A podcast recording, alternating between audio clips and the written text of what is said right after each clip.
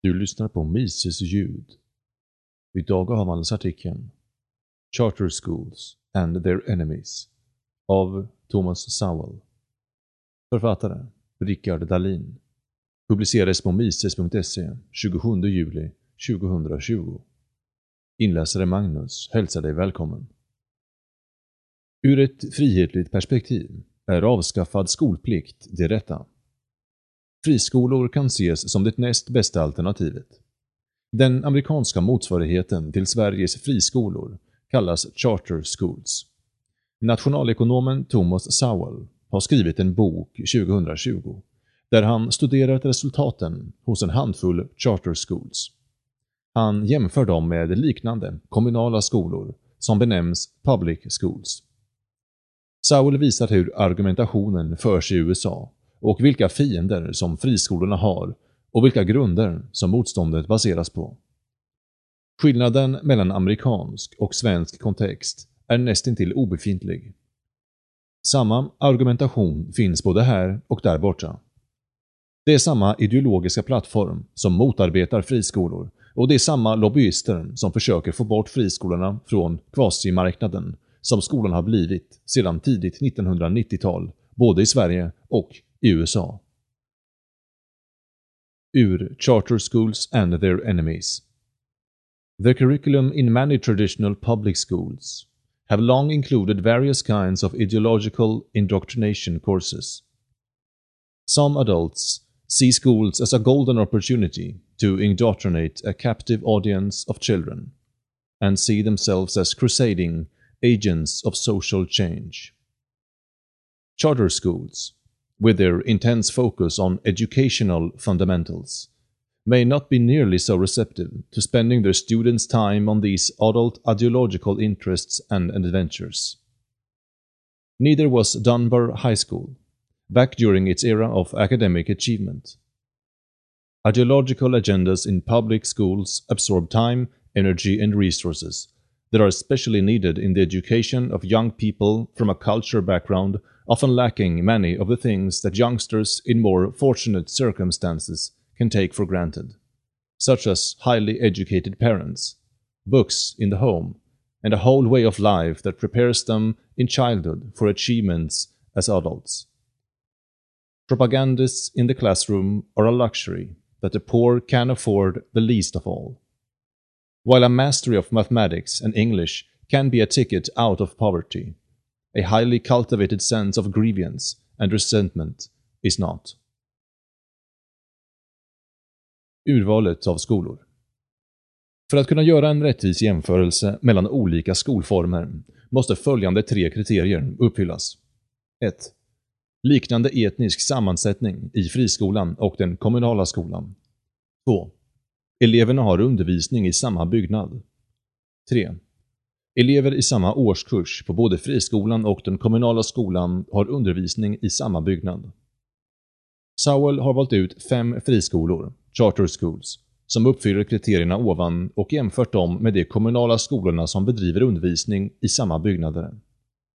PIPP Success Academy Explorer Schools Uncommon Schools Achievement First Resultaten Elevernas resultat kan delas upp i fyra nivåer, där nivå 1 är lägst och nivå 4 är högst.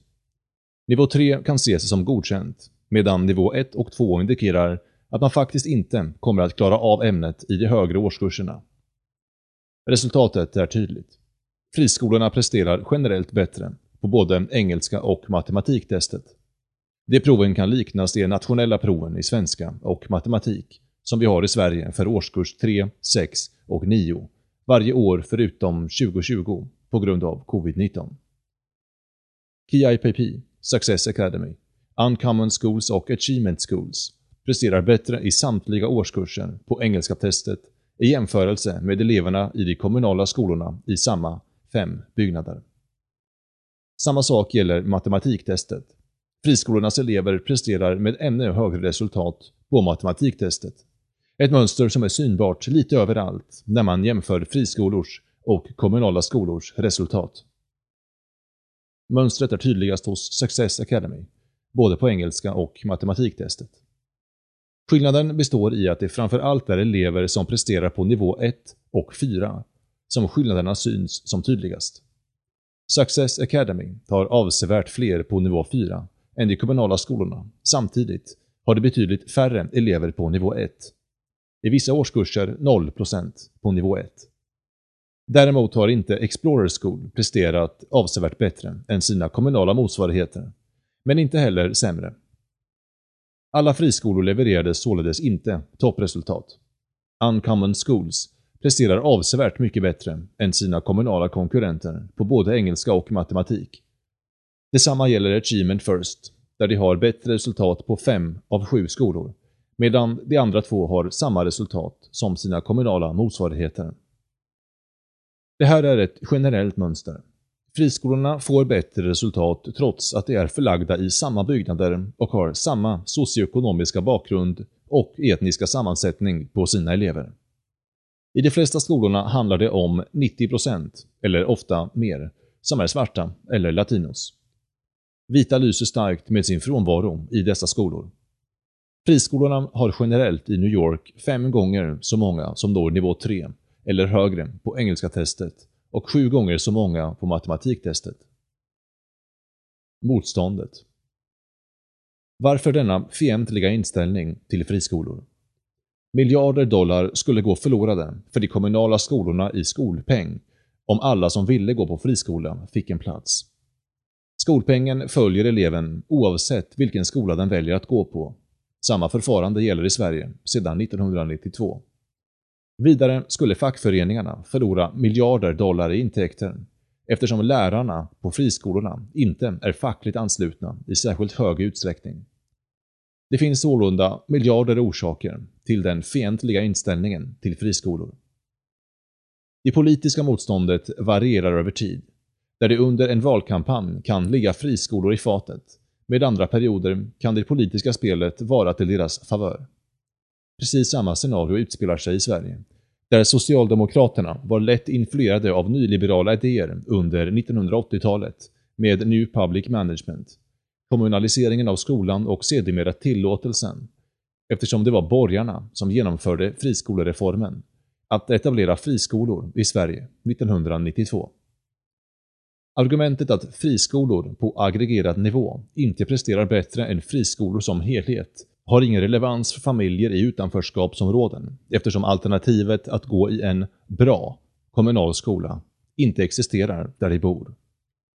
Det gäller både i USA och i Sverige. Samma argument förs fram. Att man inte ska tillåta allt för många friskolor i både Sverige och USA. Diskursen är densamma och de bakomliggande idéerna är detsamma.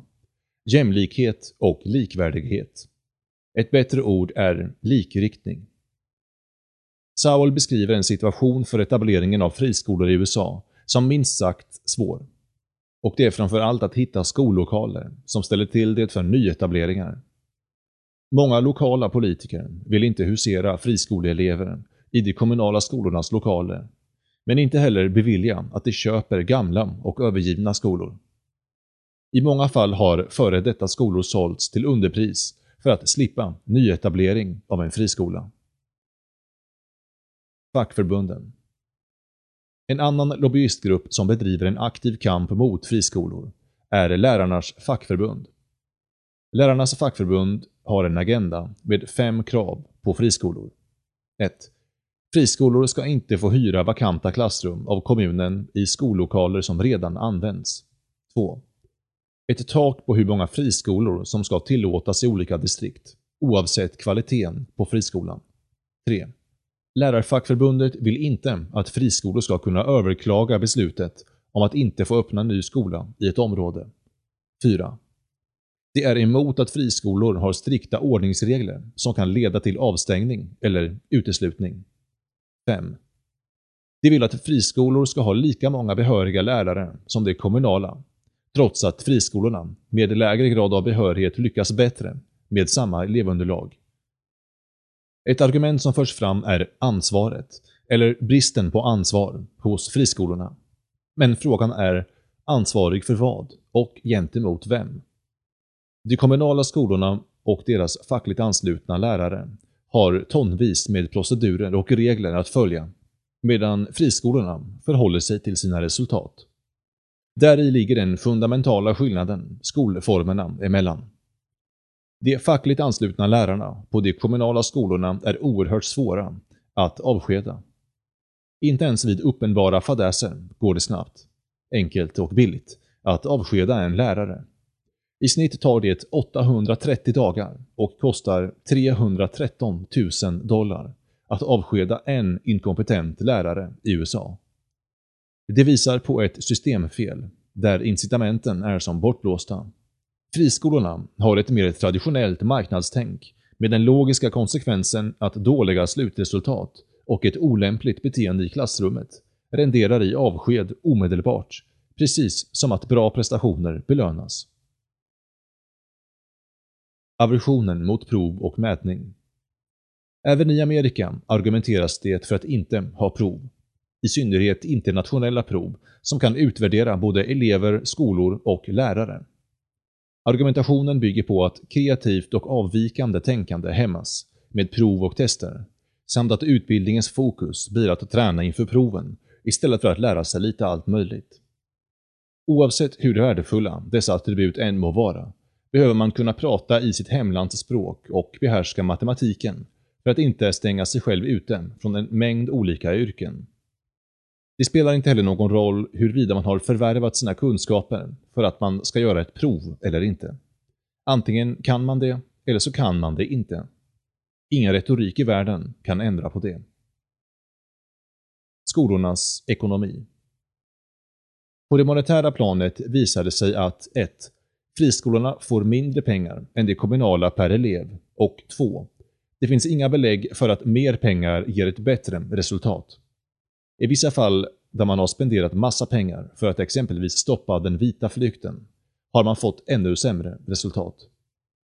En stor skillnad mellan Sverige och USA är att i USA finns det privata skolor som tar terminsavgiften, tuition fees. Vi hade det i Sverige fram till 1997, men den skäliga terminsavgiften slopades av Ingvar Carlsson. En annan skillnad är att de amerikanska friskolorna kan få donationer för att kunna bedriva sin verksamhet. Alltså privata pengar utöver skolpengen som varje elev kommer med. Det ändrar emellertid inte det grundläggande incitamentet. För att locka till sig elever, och även donationer, behöver skolan visa på goda resultat. För vem skulle vilja ställa sina barn i kö eller donera pengar till en skola med dåliga resultat? Skillnader mellan elever och skolor Skillnaderna i förutsättningar för elever är stora och beror på en mängd olika faktorer, som till exempel socioekonomisk bakgrund. Barn med högutbildade föräldrar hör dubbelt så många ord, dessutom fler positiva, än barn till arbetare. Och tre gånger fler än de som har föräldrar som går på försörjningsstöd. En annan faktor är att förstfödda barn generellt har högre IQ än sina yngre syskon. Man kan också se att havande mödrar som äter en näringsfattig kost påverkar barnets IQ till det sämre. Synen att alla barn vill vara i skolan och dessutom vara duktiga vederläggs rätt enkelt av hur skolan faktiskt ser ut. Utgångspunkten är att om alla barn bara får tillgång till skolan kan man via sociala insatser få ett likvärdigt utfall bland alla elever, medfödda egenskaper till trots, även om just medfödda egenskaper allt som ofta ignoreras.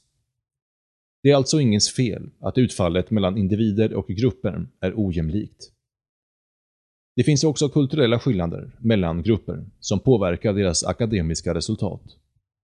I många områden med lågutbildade kan strävan efter att prestera akademiskt resultera i våld och misshandel från klasskamraterna.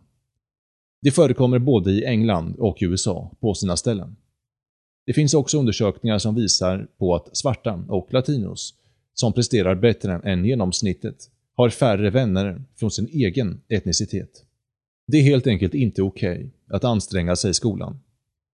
Samma fenomen påträffas i låginkomstområden i England, där majoriteten är vit. De som försöker lära sig åker på stryk. Fenomenet kallas för att agera vit, acting white, i USA och för klassförräderi i England. Där det här är som mest framträdande, i USA, är det på kommunala skolor med blandade folkgrupper, medan det är ett mindre, eller obefintligt, problem i den privata sektorn eller på skolor som är rassegregerade, alltså friskolor i nästan helt svarta områden. Det krävs ingen mångfald eller rasintegrerad skola för att svarta elever ska kunna lära sig. Det går alldeles utmärkt ändå. Historiskt har man argumenterat för att svarta måste gå i samma skolor som vita för att kunna få bra resultat och sedermera förstå hur det fungerar i ett samhälle präglad av vithetsnorm. Problemet med detta argument är att det redan på slutet av 1800-talet fanns en skola vid namn Dunbar High School med uteslutande svarta elever som presterade bättre än många helvita skolor. Den skolan levde kvar ända till mitten av 1950-talet innan den lades ner. 1954 bestämdes det att rassegregering var inneboende ojämlikt och därför förbjöds Dunbar High School att välja elever runt om i Washington. Närhetsprincipen började gälla, vilket gjorde att skolan blev en lågpresterande skola ganska omgående. Dagens friskolor som nämns i boken har stängt utbildningsgapet mellan svarta och vita. Men vissa påstår fortfarande att rassegregeringen på de skolorna är problemet trots att majoriteten av eleverna är svarta och latinos. Ordning och reda.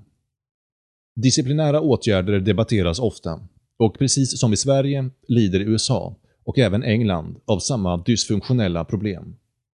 Bråkstakar som förstör undervisningen för hela klasser. Friskolorna har en större möjlighet att stänga av och religera elever. Ett argument som många menar urholkar de kommunala skolorna. Det man ska komma ihåg är att de som har ställt sig i kö till en friskola har gjort det av fri vilja. Passar inte skolans regler är man välkommen att prova lyckan någon annanstans. Många som har en social vision är mot bestraffning generellt, vilket har lett till att många elever idag kan bete sig nästan hur som helst och ändå slippa bestraffning. Saul tar upp några hårresande exempel där lärare har blivit misshandlade, gravida har blivit slagna i magen med ett uttalade syfte att döda fostret och till och med knivmördade i klassrummet framför de andra eleverna. Ett argument som sällan förs fram angående bråkstakarna är hur det påverkar alla andra i klassen. Vilka blir konsekvenserna av att någon eller några förstör utbildningen för flertalet elever? Vad får det för konsekvenser på samhällelig nivå på sikt när allt fler klasser inte kan få adekvat undervisning på grund av några få vars beteende är helt oacceptabelt? Friskolornas incitament att ställa höga krav på ordning och reda bygger på det enkla axiomet att det är beroende av goda studieresultat, medan de kommunala skolorna endast behöver räkna antal elever, oavsett utfall på prov och tester. Det gör att friskolorna ställer högre krav på disciplin och i högre grad stänger av eller religerar elever. Föräldrar som aktivt väljer en friskola gör det av huvudsakligen två skäl. 1. Ge barnen en god utbildning och 2. Av säkerhetsmässiga skäl. Att då låta vissa elever ställa till med sattyg urholkar hela idén med att driva en friskola. Framtidsutsikterna för friskolor Farorna för framtidens friskolor i USA är motståndet från politiker och lärarförbundet, vars intresse inte är utbildning för barn, i synnerhet minoriteters, utan för deras egen skull. Den tysta majoriteten är för friskolor, medan en högljudd minoritet, med fackförbundet i främsta ledet, är motståndare. I Kalifornien har man satt ett tak på antal friskolor som får etableras. Motiveringen lyder att friskolan måste ha som syfte att tjäna hela det omgivande samhället för att kunna få etableringsrätt. Tidigare i historien har USA haft restriktioner på antal flyglinjer, tågförbindelser, radio och TV. Efter avregleringar på dessa områden har både kvaliteten och tillgängligheten ökat medan priset har sjunkit. Eftersom cirka en miljon barn står i kö runt om i USA handlar det således om flera miljarder dollar årligen som potentiellt skulle kunna flyttas från de kommunala skolorna till friskolorna. Mycket står på spel. Därav aversionen mot friskolor. Både från politiken, men framförallt från fackligt håll. Facken stödjer också vissa politiska kandidater, vilket gör att politiken blir beroende av deras stöd och i förlängningen deras agenda. I Kalifornien har man också börjat att förändra friskolorna inifrån genom att förbjuda bestraffning i form av avstängning och uteslutning. Det innebär att man implementerar icke-fungerande policies på fungerande institutioner. Det kan ingalunda anses att man har det bästa för barnen i åtanke med sådana restriktioner. Sowell skriver tidigare i boken att när folk sorterar sig själva brukar det bli bättre för dem än om via statliga interventioner fördela människor utifrån ett ideologiskt godtyckligt perspektiv. Det gäller både boende och valet av skola, där detta har implementerats utan framgång. Läroplan och värdegrund Ett annat område där man från politiskt håll försöker forma friskolorna efter eget tycke är via läroplaner. Alla ska gå samma kurser och med samma ideologiska innehåll. Sowell menar att fattiga barn inte har råd att lägga tid på värdegrund och liknande, utan deras biljett ut ur fattigdom är gedigna kunskaper i matematik och engelska i första hand. Värdegrundsarbete tar tid och tiden i skolan är begränsad. Framtiden är svår att styra, men vad man vill ha är generella principer och specifika institutioner som man vill se i framtiden. Den viktigaste principen är att skolan och utbildning, det måste inte vara synonymer, måste vara till för barnen, inte de vuxna och deras agendor, vilka det än må vara. Alla policies måste vägledas av frågeställningen Hur påverkar det här barnens utbildning? Förvånande många av dagens policies och praxis kan inte svara på den frågan. Egna reflektioner om boken Thomas Sowell är och förblir en ikon inom marknadsliberalt tänkande. En 90-årig man som senaste 10 åren har släppt en bok var 18 månad inger en hel del respekt.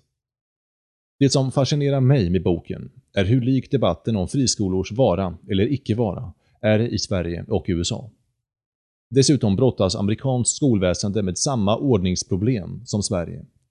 Stökiga och till och med våldsamma klassrumsmiljöer. I Sverige, precis som i USA, är det lärarnas fackförbund, Lärarförbundet och Lärarnas riksförbund som hyser ett agg mot friskolor och vill begränsa deras framväxt med jämlikhet som huvudargument. Ett problem som Sverige har, som inte framgår av boken och USA också har, är lärarbrist. Det saknas ofantligt många lärare de närmaste fem åren och ingen direkt ljusning är i sikte. Givet det ordningsproblem som är så framträdande i många skolor idag förvånar det mig inte att det ser ut som det gör. Privatiseringar, så som i USA, skulle kunna mildra de problemen genom att man frivilligt väljer skola och passar det inte blir man avstängd och till slut religerad. Hemskolning, som är förbjudet i Sverige, är också en del av lösningen för de vars skolgång mestadels består av att förstöra för andra och för sig själv. Ur ett strikt libertarianskt perspektiv är inte friskolor någon favoriserad lösning. Slopad skolplikt med helt privata skolor utan krav på vare sig läroplaner eller annat att följa är det som förespråkas. Även hemskolning är en bättre lösning än tvångsskola. Många barn skulle må mycket bättre av att slippa befinna sig i ett klassrum med traditionella lektioner. Alla är inte klippta och skurna för det. Tyvärr fortsätter man i blindo att jaga en utopi som bygger på att alla är födda likadana, med samma akademiska förmågor och vilja att lära sig. Så ser verkligheten inte ut. Därav stökiga klassrumsmiljöer och sjunkande resultat. Det som Sowell förespråkar i boken är second best ur ett libertarianskt synsätt, men hans poäng är att med nuvarande system är det här det enda sättet för minoriteter i utanförskapsområden att få en bra utbildning och ta sig ur fattigdom.